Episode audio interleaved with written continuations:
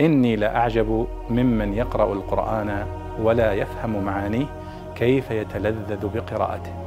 كيف يتلذذ بقراءته. سائل يسأل عن معنى قوله تعالى الله يستهزئ بهم ويمدهم في طغيانهم يعمهون يقول ما معنى قوله ويمدهم؟ ومعنى يعمهون? فالجواب أن معنى ويمدهم في طغيانهم أي يزيدهم يمهلهم حتى يزدادوا اثما على إثم على إثم ثم يأخذهم على غفلة. فاذا يمدهم من الإمداد بمعنى الزيادة. فمعنى الآية الله يستهزئ بهم ويمهلهم ويجعلهم يزدادون طغيانا وكفرا ويمدهم في طغيانهم يعمهون والعمه هو التردد في الضلال والحيرة.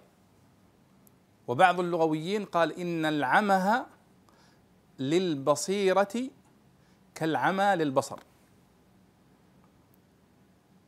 فمعنى الآية أن الله يمهلهم يمدهم ويزيدهم ونذرهم في طغيانهم يعمهون حتى يزدادوا اثما إلى إثم ثم يأخذهم سبحانه وتعالى على حين غرة.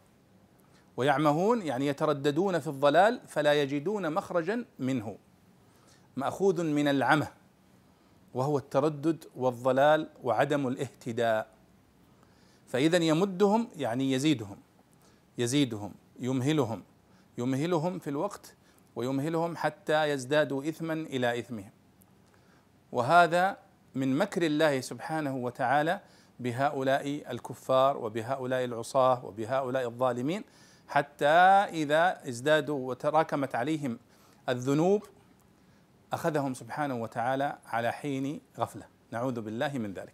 اذا يمدهم في طغيانهم يعمهون يعني يزيدهم ويمهلهم في ضلالهم وفي طغيانهم وتزيد حيرتهم وعدم اهتدائهم فلا يجدون مخرجا من هذا الضلال فيعاقبهم الله سبحانه وتعالى بعد ذلك. والله أعلم.